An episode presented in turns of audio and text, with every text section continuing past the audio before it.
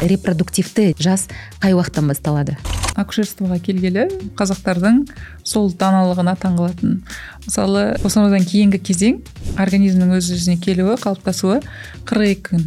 Медицинада да сондай. Дәлелденген дейсіз ғой? Дәлелденген иә. Ал жалпы негізі енді қанша уақыттан кейін екінші балаға барған дұрыс? Егер денсаулығың бұзылмасын десеңіз қорғанбаған жыныстық қатынасқа түспеңіз. Аналық жасушалардың қоры нашарлай береді түсе береді. Мысалы ә, вирус папиллома человека ол жыныстық қатынас арқылы жұғуы мүмкін.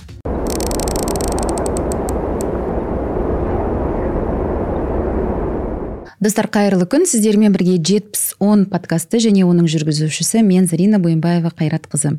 Бүгін ә, менде қонақта жанар байжұмақызы репродуктолог гинеколог маманы. Бүгінгі біздің тақырыбымыз осы репродуктология. Ә, әйел адамның денсаулығына қатысты болмақ. Жанар қош келдің. Рахмет. Студияңызға шақырғаныңызға. Ә, бүгін ә, толық және пайдалы мәліметтер беремін деп ойлаймын.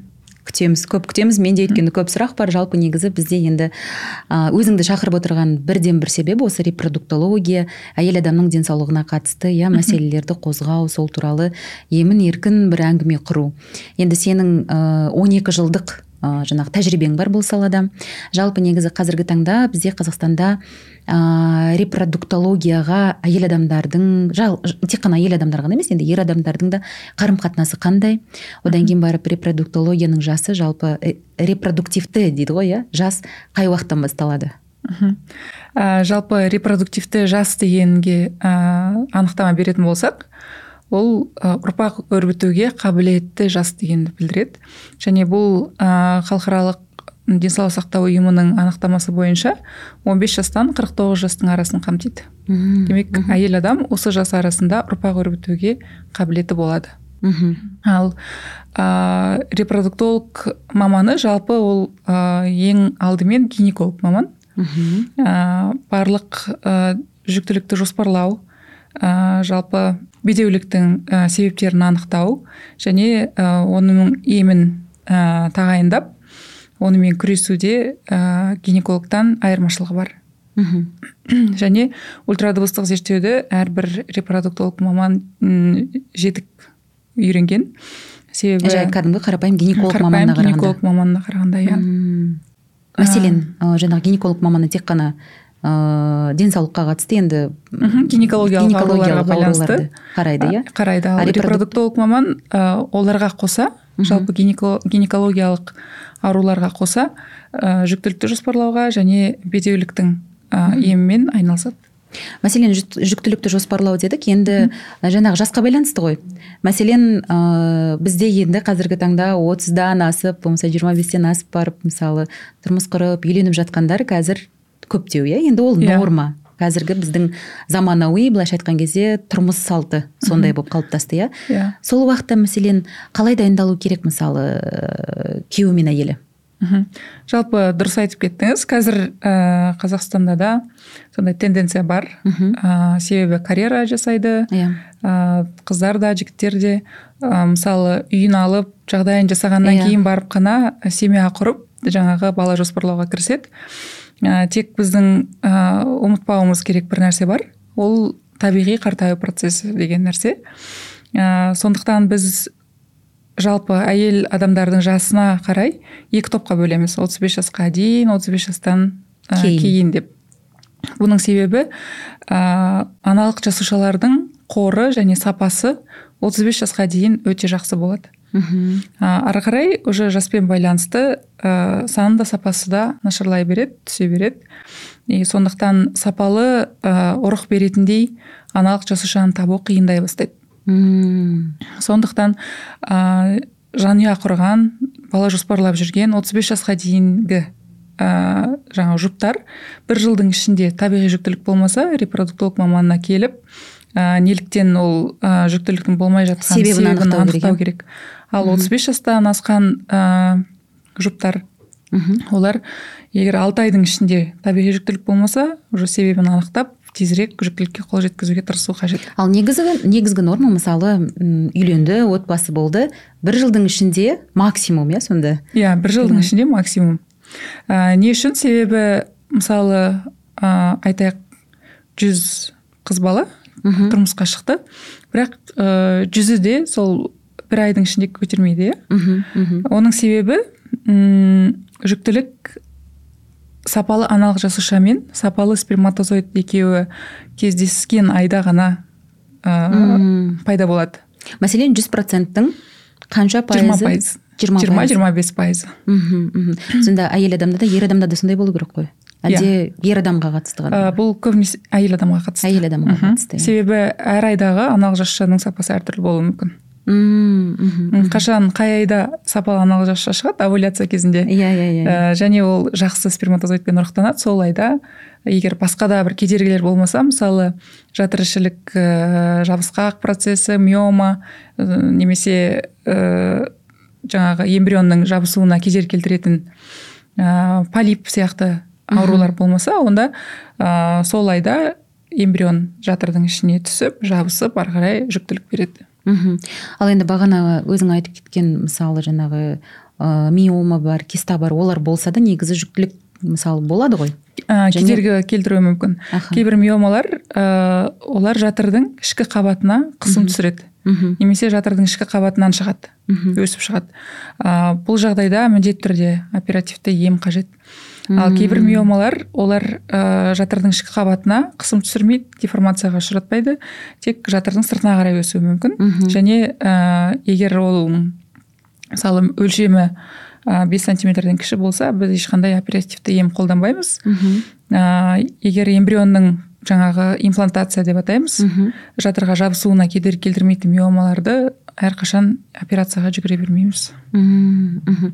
статистика бойынша бізде мысалы ә, әйел адамдар қаншалықты ә, жаңағы осындай проблемаларға ұшырайды және оның себебі не? Мхм. мәселен. Ә, жалпы бедеулікте елу де елу қазір. Мхм. Елу пайызы ер адаммен байланысты елу пайызы әйел адаммен байланысты. Мхм. Жалпы енді бедеуліктердің себебін айтатын болсақ оның бірнеше себебі бар. Ол біріншіден ерке ер адамдық фактор.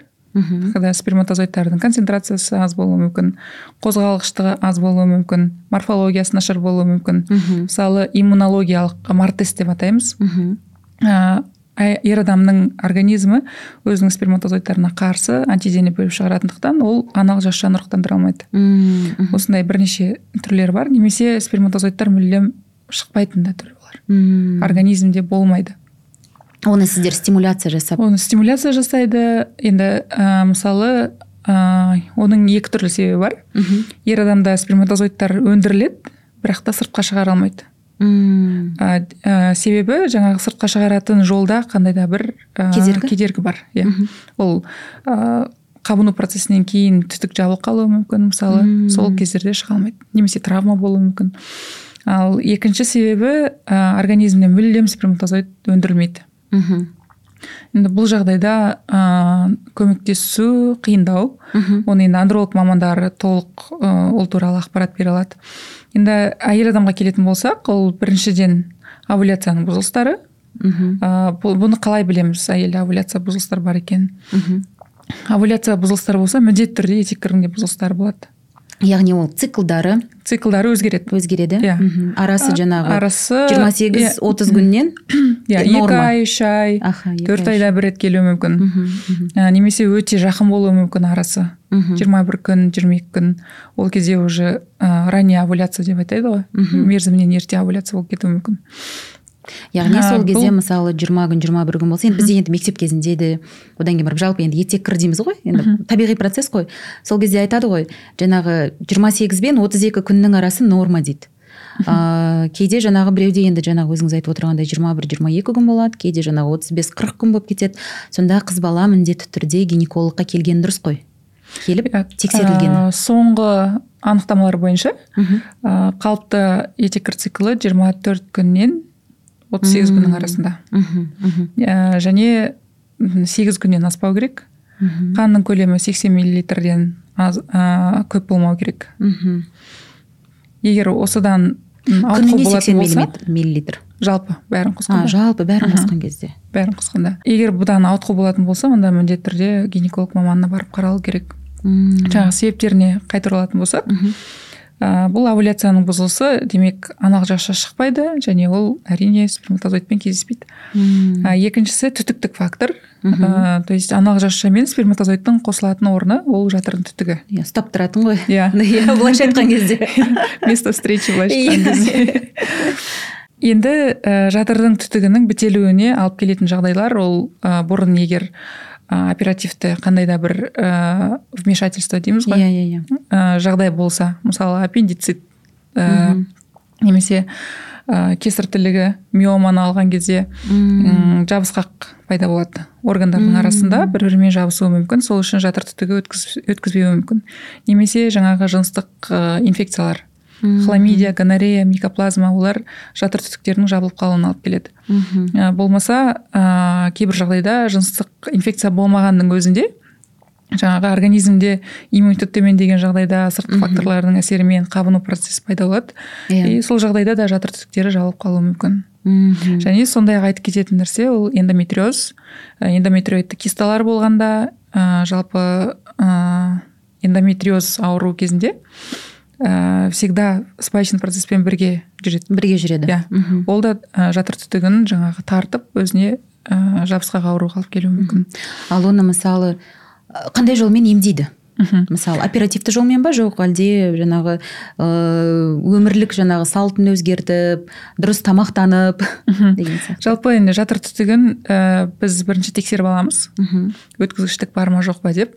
Ол рентген әдісімен жүзеге асырылады. Мхм ә, және өткізгіштігінің қай жерінен түтіктің қай бөлігінен ә, бұзылғандығына байланысты.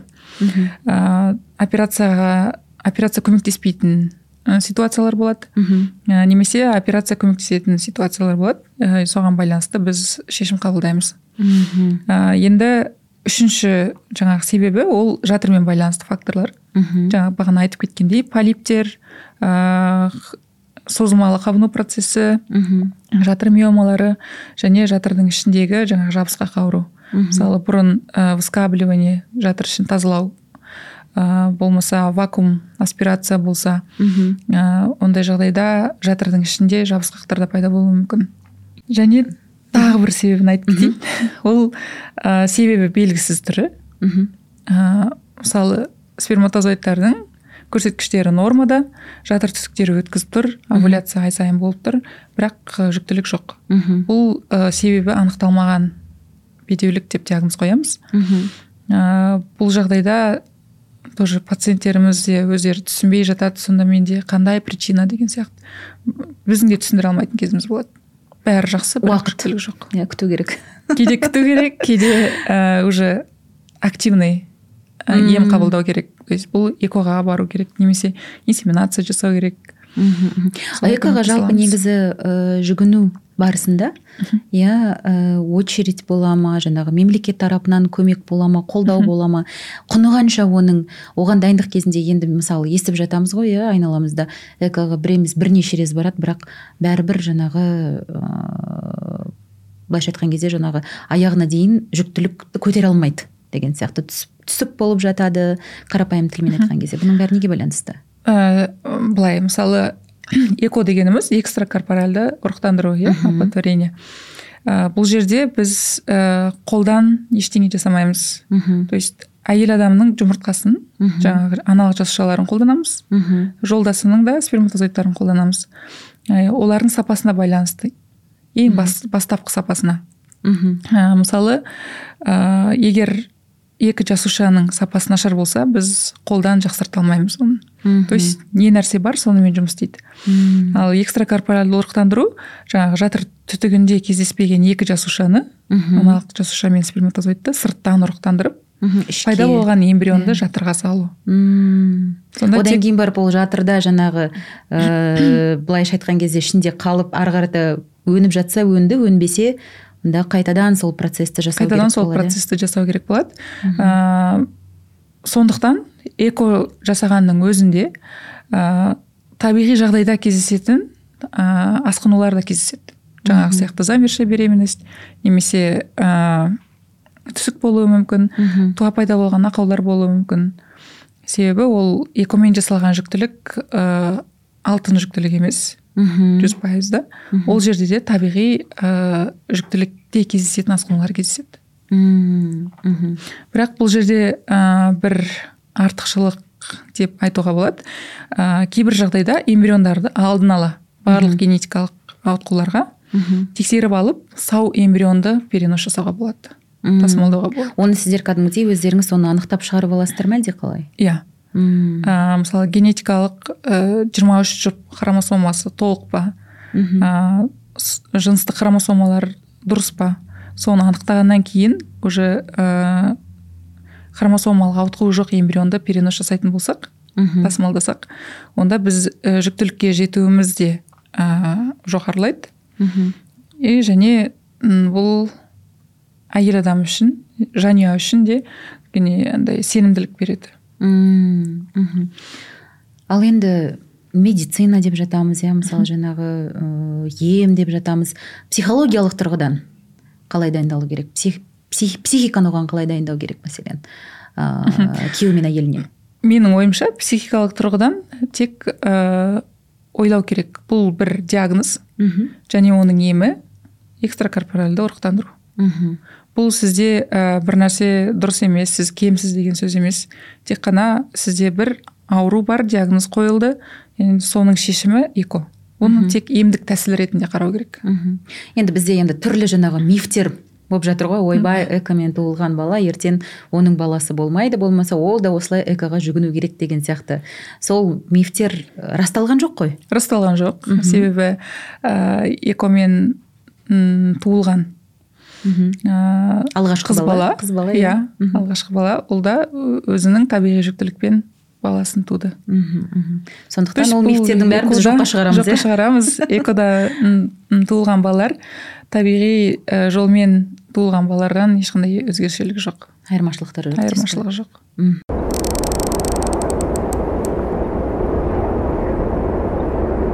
Қайтадан репродуктивті жасқа оралсақ иә мәселен жалпы негізі әйел адам болсын ер адам болсын өздерін қалай дайындағаны дұрыс. Қай уақытта мысалы жаңағы енді әртүрлі жағдай болады ғой біреулер мысалы жаңағы көп бала сүйгісі келеді деген сияқты. Енді әркімнің тағдыры өмірі әртүрлі иә мәселен. Сондықтан белгілі бір жаңағы қадамдар жасау керек па мәселен сол ә, көп бала сүйгім келеді деп мысалы. Бірақ дегенмен біз енді қатты бәрібір қазақ болғаннан кейін жаңағы жасқа бүйтіп қалай айтсам болады бір байланып тұрамыз ғой. Не дегенмен? Психологиялық тұрғыдан да менталды тұрғыдан да. Одан кейін барып біздің ортамызда қашан қашан қашан деген сияқты сұрақтар болады ғой мәселен. Иә. Ә, мысалы 18-19-20 жаста. Мхм. Ә, қыз балада ер балада ә, репродуктолог дәрігеріне келіп өзі үшін бір рет көрініп кеткен дұрыс. Мхм. Біз көп ә, анализ бермейміз. Айырмашылығымыз сол. Ер адамдарда мүлдем оңай нәрсе. Тек бір спермограмма анализін тапсырады. Иә. И қаншалықты ұрық бар болжам қандай? Сапасы қандай? сапасы қандай? Болжам қандай прогноз дейміз иә соны көреді. Мысалы ә, ұрық өте аз болса болашақ үшін қатырып қояды.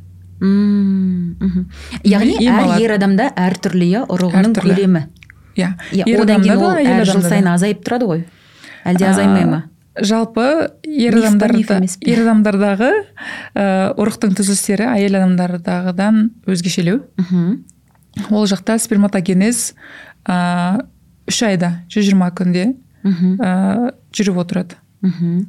То есть жаңа сперматозоидтар түзіліп отырады. Ал әйел адамда ә, ұрықтың саны мхм. резерв.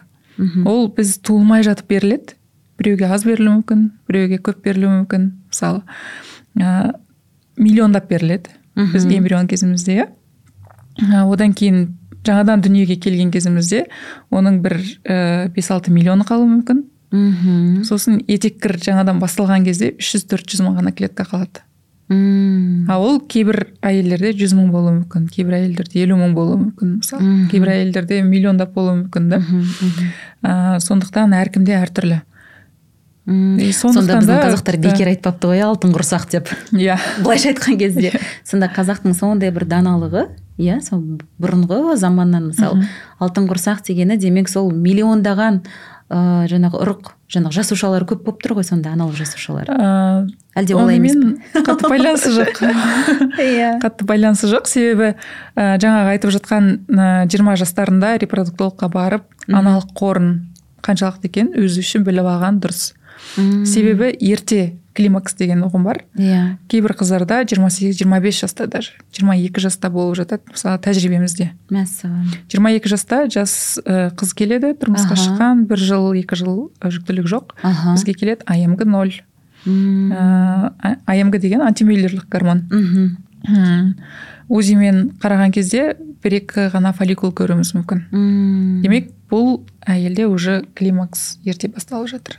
Мхм. сондықтан ә, сол 20 жастарда бір рет репродуктологқа барып көрініп қойған дұрыс. Қазіргі климакстың уақыты 45 пен 55 жас арасы ма? Жоқ әлде дегенмен елу елу жасқа дейін енді бір стандарт бар ғой дегенмен орташа 45 жас деп аталады. 45 жас, иә? Орташа Мм. 45 жас. Бірақ ерте ә, климакста болып жатыр. Болып жатады. Енді қайтып жаңағы келсек 18-20 жаста бір келіп а, жаңағы а, көлемін біліп кетуге болады дедіңіз иә.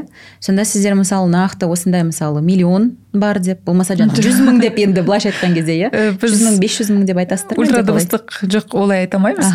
Ә, себебі әр айдағы ә, аналық жасуша фолликулалар иә аналық бездердегі әртүрлі болуы мүмкін. Мхм ә, біз мысалы қалай анықтаймыз?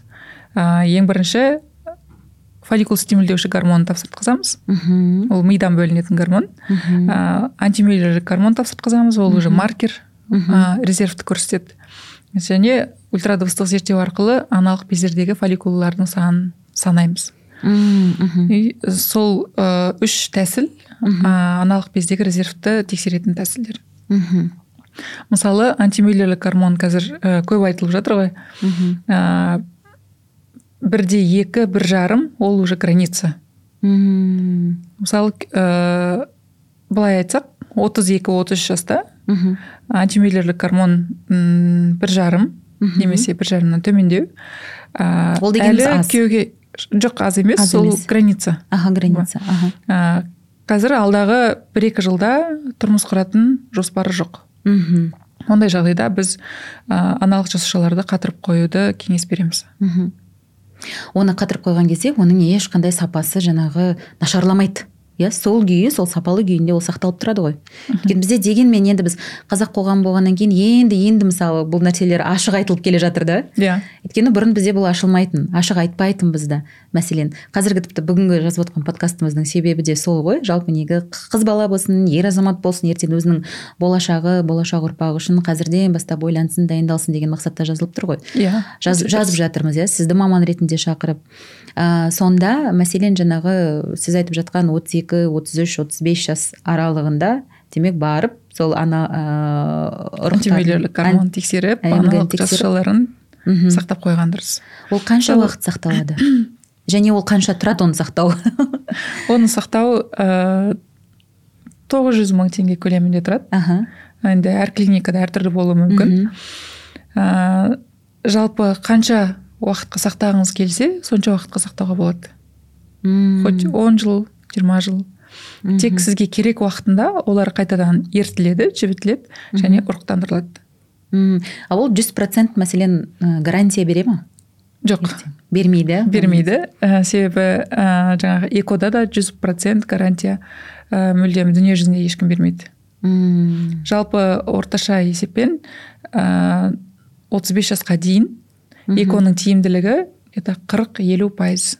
Может быть алпыс пайызға дейін жетуі мүмкін мгм. бірақ жүз пайызға әлі жеткен жоқ а, статистика бойынша енді статистика демей ақ қояйын бірақ сізге келіп жүрген мысалы жаңағы жұптар дейміз ғой. Солардың қанша пайызы мәселе мәселен экоға жүгініп жүргендері неше жаста? Бар ма сондай бір ор, бір ә, орташа көрсеткіш? Мхм ә, былай айтсам болады ең жасы мхм. ә, екі мыңыншы жылғылар қанша жаста қазір жиырма үш жиырма төрт жаста жиырма үш жиырма төрт жаста ең иә. жас иә Иә. ал ә, ең жасы үлкендер деп айтатын болсақ ә, болады қырық қырық сегіз жас қырық тоғыз жас мхм. мхм. ал ең көп кездесетін келетін ә, жас ол әрине 35 40 жастың арасы мхм. Жақсы түсінікті. Жалпы енді ә, әйел адам өзінің денсаулығын қалай күту керек?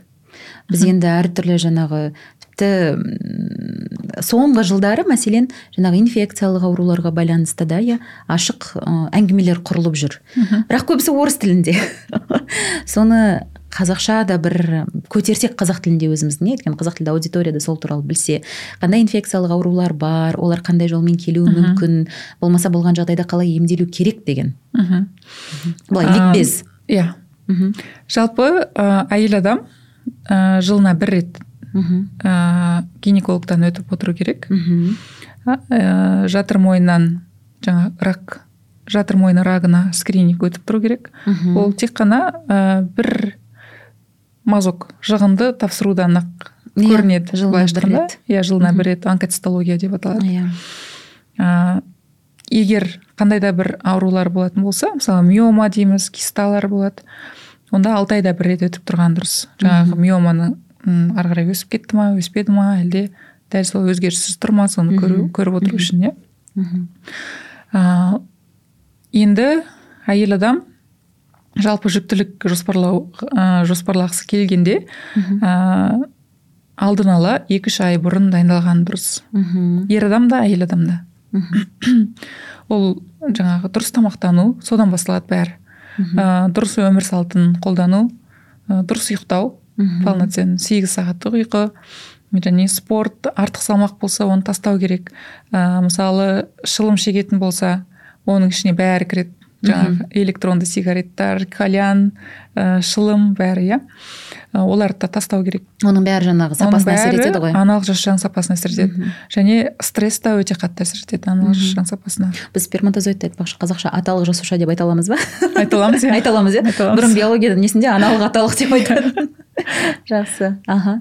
Сосын жаңағы ұйқы тамақ спорт. Спорт ә, фолий қышқылын ішсе болады егер д витаминін бірінші анықтап алу керек жетіспеушілік бар болса ғана д витаминін қолдануға болады. Мхм. М, жалпы осы стресстен аулақ болсын. Иә. Жалпы стресс негізі қалай әсер етеді әйел адам денсаулығына? Ә, біз енді оны әри- әрине гуглдан бәрінен қарап Иә. көруге болады. Подкасттар толып жатыр бірақ сіздің түсінігіңізде? Ә, менің түсінігімде ә, жалпы сөз бар ғой. Барлық ауру м, бастан ғой. Бастан. Иә, иә, бастан. Иә. Сол өте дұрыс айтылған. Мхм. Мысалы өзі өзіңіз өзіміздің басымыздан өтеді ғой кейбір жағдайда. Депрессия болуы мүмкін шаш түсе бастайды там әжім түсе бастайды ақшаш көбейе бастайды. Мысалы ұйқың дұрыс емес ә, тамаққа зауқың жоқ оның бәрі стресспен байланысты. Мхм. Жалпы негізі әйел адам болсын ер болсын иә. стресстен аулақ болған дұрыс аулақ иә? болған дұрыс. Мхм жақсы. А, енді а, отбасы болып жа, болды делік иә жаңағы ә, күйеуі мен әйел. Енді әртүрлі жағдай болады мысалы жаңағы түсік болып жатады. М, жаңағы замершая беременностьтің қазақшасы қалай? Дамымаған жүктілік десек дамымаған жүктілік болып жатады. Оған қалай ә, дайын енді эмоциялық тұрғыдан ә, сіз маман ретінде эксперт ретінде қандай кеңес бересіз енді әртүрлі ғой мысалы біреулер үшін ол кәдімгідей үлкен стресс. Сонда менде бір проблема болып қалды ма қалай болды деген сияқты. Өйткені біреудің түсінігінде идеальная картина мира деген бар да мәселен. Ал қазір мысалы көптеген сондай контенттер де шығып жатыр ғой. Ә, көптеген әйел адам өзінің жаңағы осындай бірінші жаңағы жүктілік осылай болды екінші жүктілік қана мен мысалы көтердім деген сияқты. Ашық әңгімесін айтқан кезде содан кейін барып а ол норма екен ғой ондай да болады екен ғой деген сияқты нәрсе болады. Соны сіз маман ретінде қалай түсіндіріп бүйтіп айтып берсеңіз. Мхм. Ә, егер ә, бұл нәрсе мысалы анембриония деп ә, жатамыз немесе ә, дамымай қалған жүктілік ә, мысалы жүрек соғысы болмай қалады тоқтап қалады иә өсуі. Ә, немесе өздігінен болған түсіктер. Ә, бұлардың негізгі себептері ә, бірнеше болуы мүмкін. То есть біріншіден ол эмбрионның өзімен байланысты. Жаңағыдай генетикалық ақауы бар эмбрион табиғи сұрыпталу процесінен өтпейді. Мхм и сол үшін табиғат былайша айтқанда тоқтатып тастайды оны түсік алып келеді замершая беременность алып келеді немесе жаңағы анембрения деп атаймыз. Соған алып келуі мүмкін. Жетпіс пайыз жалпы хромосомалық ауытқулармен байланыстырамыз. Мхм ә, екіншіден жатыр ішіндегі қандай да ақауларға байланысты болуы мүмкін. Мысалы жатыр ішінде перде болуы мүмкін иә? Ә, немесе туа пайда болған жаңағы ақаулар болады. Әйел адамның. әйел адамда эмбрион дұрыс ә, бекіне алмайды мхм и сол үшін түсік пайда болуы мүмкін немесе тоқтап қалуы мүмкін. Сондай ақ әйел адамның м, жаңағы эндокриндік фонының бұзылыстарымен байланысты болуы мүмкін. Ә, және ә, ожирение артық салмақпен де байланысты болып жатады. Ә, сондай ақ ә, ер адамның да ұрығымен байланысты болуы мүмкін. Кейде днк фрагментация деп атаймыз. Ол ә, проценті жоғары болса сондай ә, қайталанған түсіктерге алып келуі мүмкін. Енді ә, былай қараса кейбір жағдайда да әйел адамда қан қатты қоюланады. Мхм сондай өзгерістер болады. Антифосфолипидтік синдром деп атаймыз тромбофилия деп атаймыз. Мхм ә, қан қоюланған соң әрине ол ә, балаға қан дұрыс бармағандықтан тоқтап қалуы мүмкін. Оның емі бар ғой? Оның емі бар. Енді не істеу керек? Сондай бір рет жағдай болды дейік ә, жаңағы әйел адамда. Бұл жағдайда ә, егер мүмкіндік болып жатса мхм. жаңағы ә, түскен эмбрионды генетикалық зерттеуге жіберуге болады. Мхм. Сол білу үшін бұл әйел адам организмімен байланысты ма? Жоқ әлде эмбрионның өзімен байланысты себеп па? М, егер ә, генетикалық анализде ә, қандай да бір ақау болатын болса демек эмбрионмен байланысты себеп болды. Мхм мхм. Ал егер ә, бұл жағдай екі рет кездесетін болса да ә, онда біз қайталанған ә, жүктілікті көтере алмау мхм. немесе непри- невынашивание деп атаймыз екі рет болса екі рет болса иә екі рет және одан көп болса бұл міндетті түрде толық тексеруді қажет етеді. Ә, мысалы ә, әйел адам мен ер адамның кариотип деп аталады. Ә, генетикалық анализінен бастап тексеріледі. То есть ә, мүмкін ол эмбрионға беріліп жатқан қандай да бір ә, өзгеріс бар шығар да хромосомалық ауытқу. одан кейін ә, барлық қалқанша бездерін гормональды фонын тексереміз артық салмақ болса оны түсіру керек.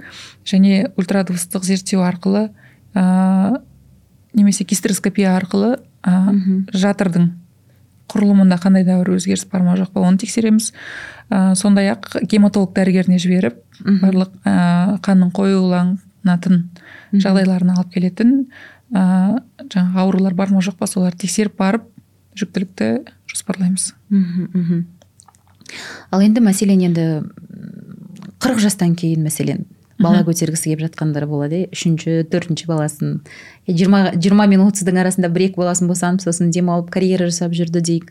Қырықтан бастап мысалы көтергісі келеді. Оларға қалай дайындалу керек не істеу керек? Енді олардың бәрібір тәжірибесі бар ғой бірақ дегенмен енді ә, бәрібір бір заманауи жаңа бір технологиялар мүмкін шығып жатыр ма? Жоқ белгілі бір мысалы гайд дейді сіздердің бір кеңестеріңіз бола ма? Жалпы қырық жастарында иә. Қырық жастарында где он он бес пайыз. Мхм. Табиғи жүктілік және эко кезінде нәтижелік айына он он бес пайыз. Аз дейсіз ғой. Иә азая бастайды.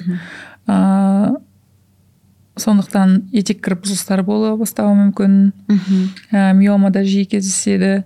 Қан қысымы көтерілуі жиі кездеседі. Сондықтан бірінші денсаулығын толық зерттеуден өткізіп алып одан кейін барып жүктілікті жоспарлаймыз. Мхм. Мысалы міндетті түрде кардиолог кеңесін алады ол кісілер нефролог кеңесін алады. Яғни жаңағы бауыр бауыр бүйрек өкпе барлығы. деп жатады. Иә. енді кейде жаңағы әріптестеріңмен бүйтіп сөйлесіп жатасың ғой. Жаңағы көп көбісінің мысалы айтатыны ол беліне байланысты мысалы проблемаларды айтады. М, кездесіп жатады енді жаңағы белім тым ауырады көтере алмаймын деген сияқты. Салмақ қосамын оның көтергені салмақ тиді ол жағынан не айтасыз? Ол енді адамның таңдауына байланысты. Таңдауына байланысты. Иә. Мхм. Егер ә, белге салмақ мысалы қандай? Протрузия ма грыжа ма мхм. Ә, неден қорқады жалпы жүктілік кезінде? Соның бәрін таразыға салу керек. М, мхм. өйткені асқынуы мүмкін ғой асқынуы мүмкін. Иә. Мхм.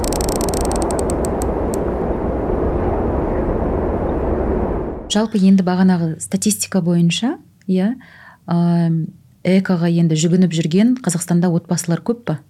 Жалпы. Қазақстанда жалпы статистика бойынша әрбір бесінші алтыншы отбасында ә, бедеулік мәселесі бар. Ол тек Және- қазақстанда емес шығар иә? Басқа жақта да солай ма? Әлде бізде көрсеткіш бәрібір төмендеу ма? Қазақстанда көрсеткіш жалпы салыстырып көрген жоқпын. Ә, бірақ статистика бойынша әрбір бесінші алтыншы жанұя осы ә, диагнозбен емделіп жатады. Ә, сол үшін ә, бізде мемлекет жыл сайын аңсаған сәби квотасын бөледі. Ә, жеті мың квота ә, бөлініп келе жатыр. Ә, былтыр да биыл да. Ә, биыл енді басталды бұл квоталар. Ә, бұл мемлекет тарапынан жаңағы бала сүйгісі келетін ә, жанұяларға өте үлкен көмек. Мхм. Өйткені ол ә, кәдімгідей үлкен ақша иә былайша Иә. айтқан кезде. Қанша қазіргі әр, таңда әр ә, жанұяның қалтасы көтермейтіндей. Болуы мүмкін. Мхм. Жалпы қазір ә, эконың бағасы ә, қолданылатын препараттармен ә, және ә, қолданылатын қоректік орталармен мхм. сонымен байланысты шығарылады. Мхм. Ә, технологиялар қандай? Мысалы қосымша технологиялар қолдануы мүмкін ә, кейбір экоцентрлар иә? Ә, сондықтан орташа есеппен бір миллион бір жарым миллион көлемінде. Бір миллион бір жарым миллион. М, ол жаңағы сапасына соған да байланысты ғой иә? Иә жасушаның ә, көлеміне байланысты. Мхм. Мысалы кейде біз ә, естествен циклда табиғи циклда жүргізіп жатамыз. Мхм. Ә, себебі қанша дәрі берсек те ә, біз сол өсетіні бір фолликула болатын болса мхм. оны біз дәрі бермей ақ соны естествен циклда мысалы табиғи жолмен ақ өскенін қарап жүріп эко жасаймыз кейде сондықтан ол индивидуально әркімге әрқалай жасына қараймыз. Қанша жыл ә, жүктілік болмай жүр қосымша аурулар бар ма жоқ па? Жолдастың спермограммасы қандай?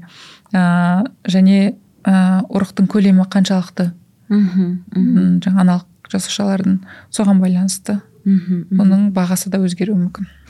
Ал енді қазір қайтадан жаңағы инфекциялық ауруларға иә айналып келсек ә, жалпы негізі осы жерде сіз маман ретінде қандай кеңес бересіз? Мысалы қыз балалар болсын ер адамдар болсын қалай сақтану керек қалай жаңағы бұның алдын алу керек деген сияқты. Болмаса оған тағы да қандай басқа да нәрселер әсер етуі мүмкін. Мысалы жаңағы енді біз м ішекте мысалы иә түрлі инфекциялар кездесіп жатады. Олар қалай да әсер ете ме етсе қалай оның алдын алу қалай не істеу керек деген сияқты. Жалпы ә, тек қана жыныстық жолмен жұғатын инфекциялар болады. Мхм. Оларға біз қайсысын жатқызамыз ә, вич? Ә, вирусный гепатит б с сифилис ә, хламидия трихомонада микоплазма и гонореялар мхм жыныстық инфекцияларға жатады бұдан ә, қалай қорғануымыз керек? Ә, егер жаңа партнер болатын болса мхм онда міндетті түрде ә, презерватив жаңа барьерлік методты контрацепцияны қолдану керек. Ә, барьерлік ә, әдіс ол тек қана жүктіліктен емес. Мхм и бұл инфекциялардың ә, өтпеуінен де қорғайды. Жүз пайыз емес. Жүз пайыз емес. Иә. Өйткені тері аурулары өтуі мүмкін мысалы да впч деп аталады. Иә иә иә. Вирус папилломы человека оларда ә, жұғуы мүмкін. Мхм ал егер қорғанбайтын ә, қатынасқа түскісі келетін болса міндетті түрде екі жақта ә, пцр анализін тапсырып қан анализін тапсырып бірінші инфекцияның жоқ екеніне көз жеткізгеннен кейін ғана ә, қорғансыз қатынасқа түсу қажет. Себебі кейбір ә, инфекциялар олар латентті түрде жасырын түрде өтуі мүмкін. Мхм. Мысалы хламидия микоплазма. Әрқашан оның ә, біз клиникасын көре бермейміз. Мхм. Олар Олар бар, бірақ көрсетпейді, иә, иә жасырын түрде латентті инфекция болып. Жатыр мойнын зақымдауы мүмкін жатыр түтіктерін зақымдауы мүмкін. Мхм ә, жатыр түтіктерінің өткізгіштігінің бұзылуына алып келіп ә, соның ә, нәтижесінде бедеулікке де алып келіп жатады. Мхм сосын мынау ә, соңғы кездері бізде енді қазақстанда қызылшаның ә, статистикасы жоғарылап кетті. Балалардың көбісі қызылшамен ауырып кетті. Сондағы менің білмеймін қаншалықты миф миф емес өйткені мен медицина саласынан енді керемет ондай жақын адам емеспін одан алыспын. Бірақ дегенмен мысалы ер адамдарға олардың ә, жасушаларына ә, әсер етеді дейді қызылша. Сол рас па? Рас емес па? Өтірік па қаншалықты? Ә, бұл туралы зерттеулерді оқыған жоқпын мен. бірақ ә, барлық инфекционды процесс ә, жасушаның сапасына әсер етеді кез келген инфекция дейсіз ғой? Кез келген иә. Бізде сондықтан ә, ішек инфекциялар бәрі әсер етуі мүмкін ғой. Өйткені бізде енді адамда енді жалпы жалпы организмді әрбір ағза бір бірімен байланысты. Мхм. Танзелит болсын бәрі дейсіз ғой. Иә. Мхм. Бәрі де әсер етуі мүмкін. Да, қызылшаның қазақстанда ең жоғары болуы өте өкінішті жағдай. Мхм. Ал сіз маман ретінде ыыы қызылшаға қарсы екпені егу керек дейсіз ғой сонда? Егу керек деп егу керек иә? Иә. Мхм. Жақсы. Өйткені бізде қазір соңғы кездері енді қызылшаға қатысты жалпы қызылшадан бөлек кез келген екпеге қатысты сондай бір жаңағы ыыы пікірлер болып көп қаптап кетті ғой енді. Ол осылай осылай ол баланың жаңағы туылуына болмаса туылған баланың ертең денсаулығына әсер етеді деп жатады ғой. Орталық жүйке жүйесіне ә, өте қатты әсер етеді қызылша. Мхм. Ә, мысалы ми. Мидың жұмысына әсер етуі мүмкін. Ә, сондай ақ жұлын перифериялық нервтер. Мхм. Көбінесе ә, осыны зақымдайды мхм. Сондықтан екпе алса ол әлдеқайда жеңіл өтеді балада бұл жеңіл егер- өтеді алдын алады. Аха алдын алады дейсіз ғой. Мхм. Бірақ дегенмен енді мысалы вакцинация жалпы енді әйел адам мысалы жүктілікке дайындалған кезде де ол енді түрлі вакцинадан нетеді ғой? вакцина алады, алады ғой.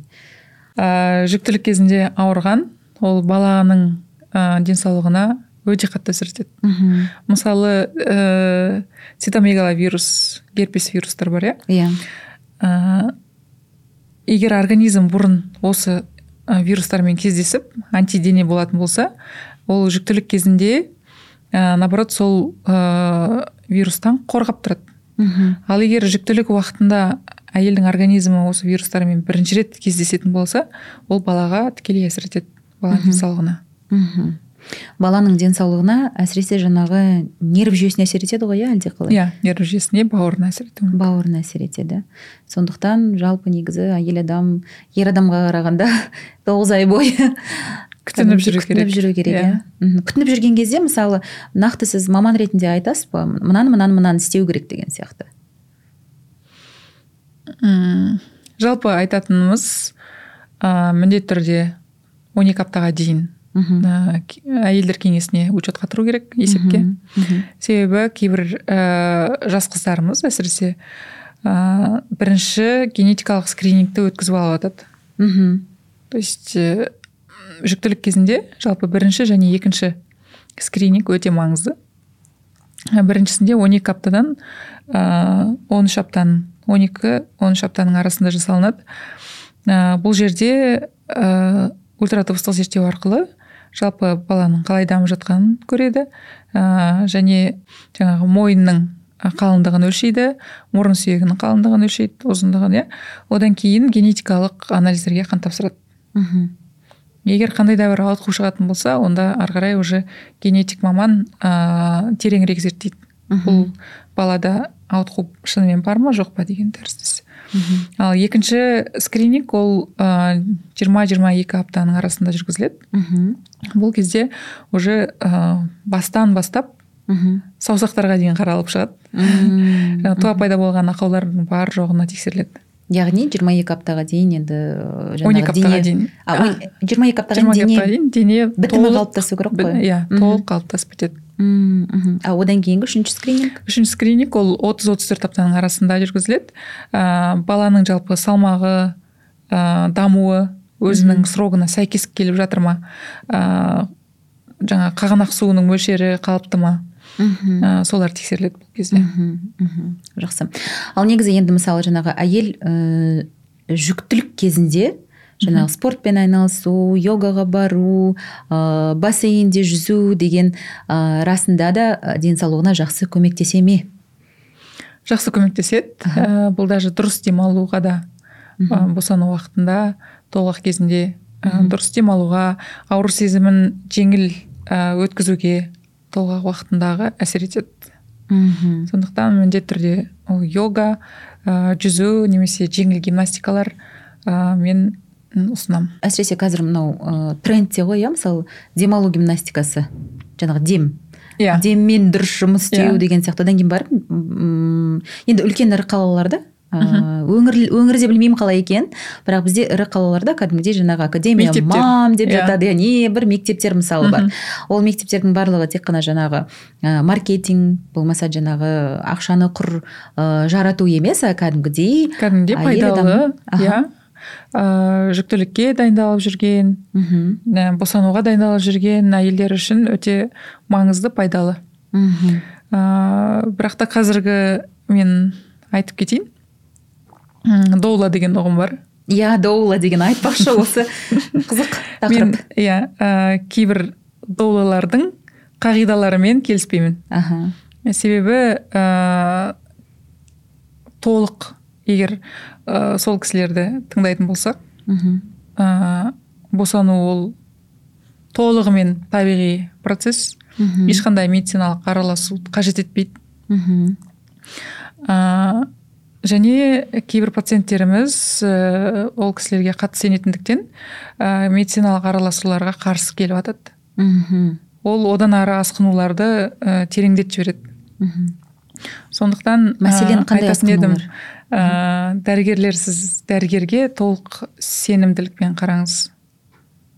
Мхм. Ол ә, қаншама жыл оқып қаншама жыл жұмыс істеп жатқан тәжірибесі бар маман. Сондықтан босану ә, табиғи процесс болғанмен ол жерде де асқынулар кездеседі. Мхм мхм. Асқыну деген кезде ол қандай асқынулар? Асқынулар мысалы қан кету мхм. ә, немесе кесір тілігінен бас тарту мм. босанып жатқан кезде ә, болады. Пациенттеріміз мен өзім босануым керек маған ә, доула солай айтты деп мысалы да мхм.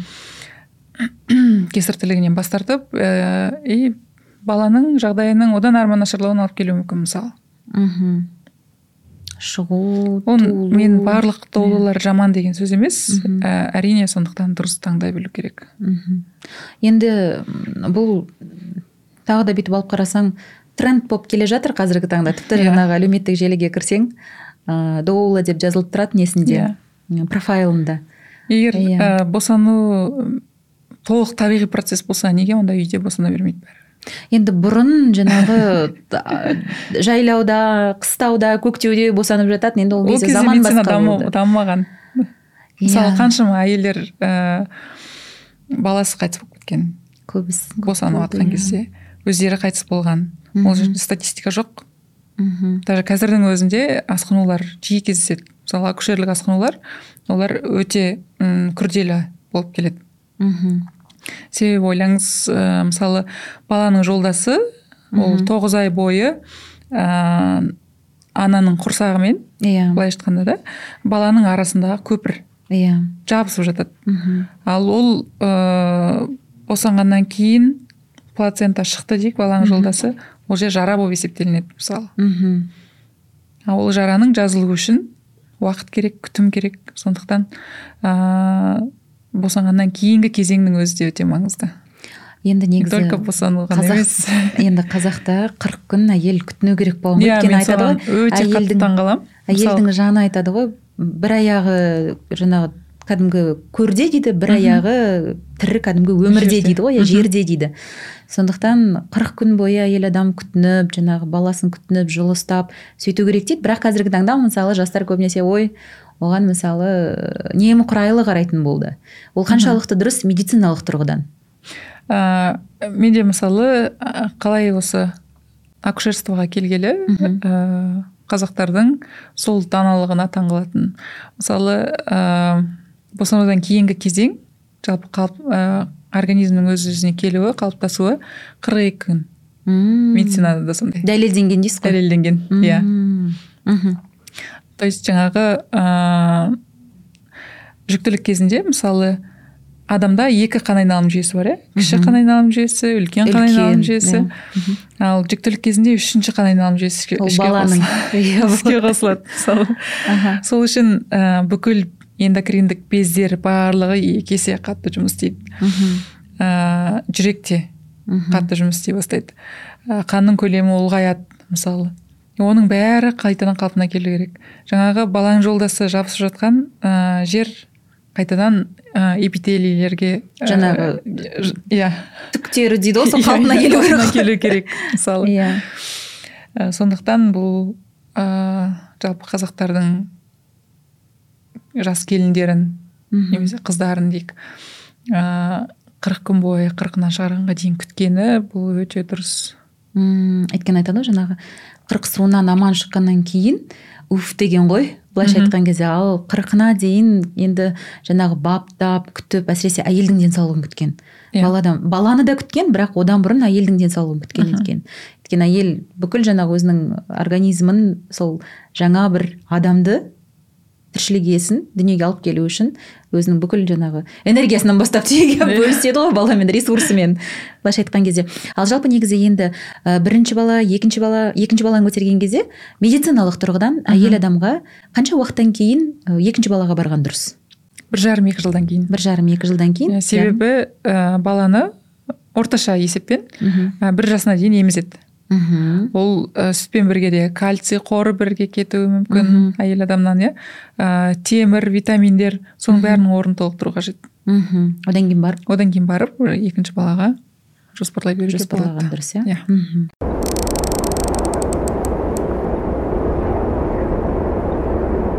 Жанар ен- енді негізі айтады ғой жаңағы ұлы сөзі ұят жоқ дейді қазақта.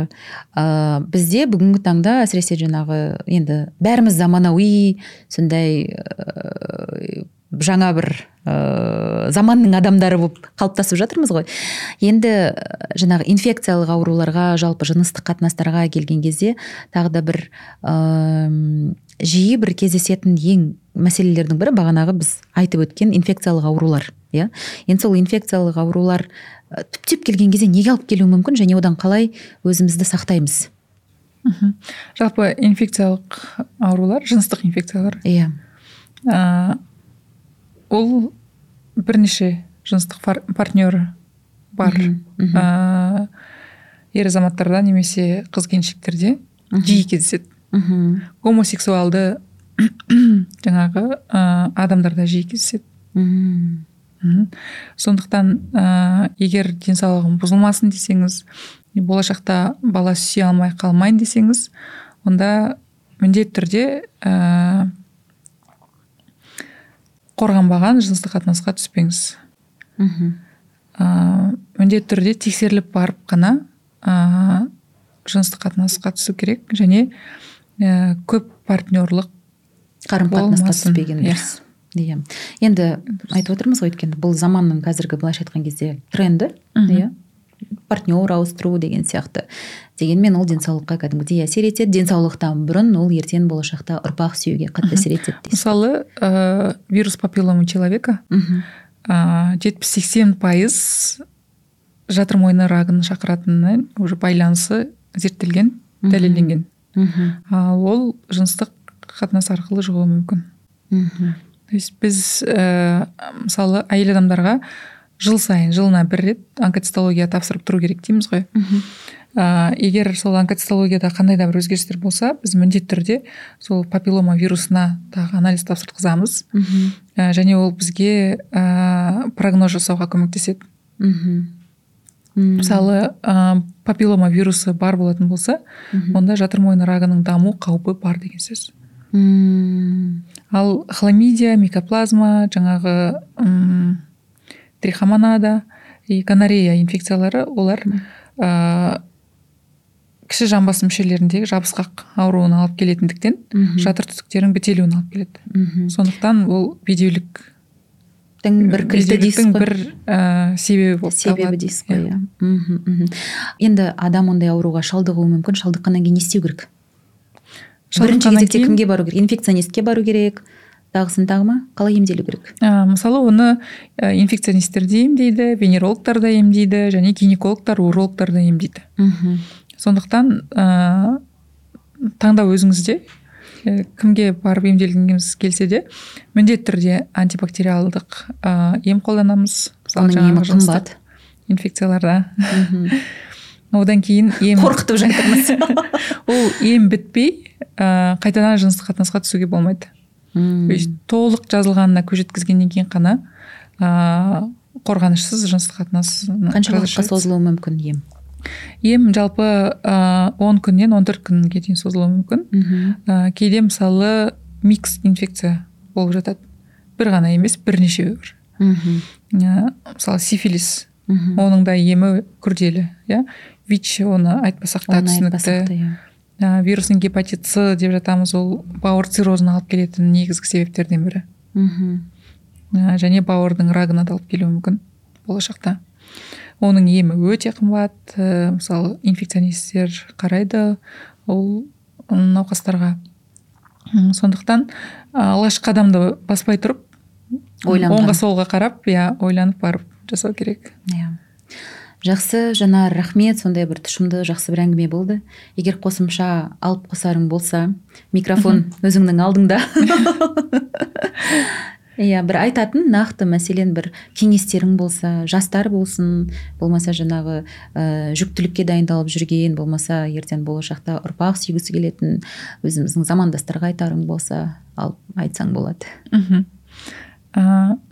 Жалпы енді мен ә, қазір көбінесе репродуктология саласында жүргендіктен ә, біздің негізгі жаңағы больная тема дейміз ғой. Иә. Ә, негізгі өзекті мәселеміз ол сол аналық жасуша қорының азаюы. Ә, ер адамдарда да кездесіп жатады ол мысалы аталық жасушалардың күрт азайып кетуі иә. Ә, сондықтан қазір ә, технологиялар жетілген. Ә, ұрықтарды сақтап қойған дұрыс. Сонда сіз өзіңіздің болашағыңызға инвестиция жасаған сияқты боласыз. Өзіңізді бір қандай да бір кепілдікке страховкаға алғандай боласыз. Ә, осы сұрақты жіберіп алмаңыз. Мысалы ұм, ол тек ә, тұрмыс құрмаған адамдарға байланысты емес. Мысалы тұрмыста да болуы мүмкін бірақ ә, кейін жоспарлап кейін жоспарлауы мүмкін. Мысалы үй салып алайық содан кейін бала туайық та мысалы. Ондай жағдайда ә, ұрық саны аз болса просто эко бағдарламасын жасап ұрықтарды эмбрион күйінде қатырып қойыңыз. Мхм. Одан тым кемшілік көрмейсіз. Себебі жаспен байланысты. Мысалы әйел адам жасы қаншада болса аналық жасушаның да сапасы соншалықты. Біздің подкасттан кейін қыздардың бәрі барып аналық жасушасын тексеретін сияқты ғой. Иә тексеріп қойған дұрыс. Негізі дұрыс иә. Өйткені бағана өзіңіз айтып отырғандай жиырма екі жиырма үште де иә. Ерте климакс болатын жағдайлар болады. мүмкін сондықтан. Жанар рахмет. Осылай келіп осындай әңгіме құрып осындай бір пайдалы контент жасауға көмектесіп жатқаныңа ыыы отбасылы болып жатқан ыыы бала сүйгісі келіп жүрген барлық отбасыларға тек қана денсаулық жақсылық тілейміз. Береке болсын береке көп болсын дейміз. Ә, сіздің де қолыңызға дерт бермесін өйткені жаңағы әлеуметтік желіде көріп жатамын жанар осылай осылай сізге рахмет деп жатады. Сондай алғысы көп ә, пациенттер енді көп болсын. Отбасылы болып о, балалы болып жатқан пациенттер көп иә. болсын. Қазағымыздың саны көбейе берсін. Иә. былайша айтқан кезде еңбегіңіз өне берсін. Иә ә, сонымен тағы да таныстырып тағы да айтып өткім келетіні жанар байжұмағызы. Бүгінгі таңда 12 жылдық тәжірибесі бар гинеколог маманы репродуктолог маман қазіргі таңда репродуктология деген енді үлкен бір ә, медицинаның саласы ретінде қалыптасып отыр ғой. Иә. Иә сондықтан ә, өздеріңіздің денсаулықтарыңызға дұрыс қараңыздар ә, жүктілікті жоспарлаңыздар алла бұйыртып жатса ә, өсе беріңіздер өне беріңіздер дегіміз келеді. Сізге де көп рахмет зарина рахмет. осындай ә, жаңа өзекті мәселелерді ә, бізде қазақ қазақша аудиторияға ә, көбірек ә, айту керек деп ойлаймын ә, бұған қосқан үлесіңіз үлесіңізге де көп рахмет рахмет ә, мен де бұларды айтудан шаршамаймын деп ойлаймын иә. және ә, әрине ә, тереңірек те талдайтын сұрақтарымыз болып жатар алды, yeah. Иә. алдыда ә, тағы кездескен кезде ә, мүмкін оларды да қозғаймыз. Иә. Ә, егер сұрақтар болса ә, жаңағы көрермендеріміз комментарийге жазып кетсе болады иә? Иә береміз. Комментарийде және жазсаңыздар болады. Әрбір сондай маңызды сұрақтарыңызға мен жанарды түртіп түртіп қойып отырамын мен негізі жанар жанар біз қанша жыл болды иә таныс болғанымыз иә. Екі мың он екіде таныстық иә содан бері бізде біз бірге жаңағы түрік тілінің курстарына барып жүргенбіз. Жанар ол кезде аспирантурада ма еді интернатурада интернатурада оқып жүрген медицинада сонымен осылай өзіңді өзімнің студиямда көріп отырғаныма өте қуаныштымын. Бәрі жақсы болсын тек жақсылықта ғана жүздесе берейік. Көп рахмет.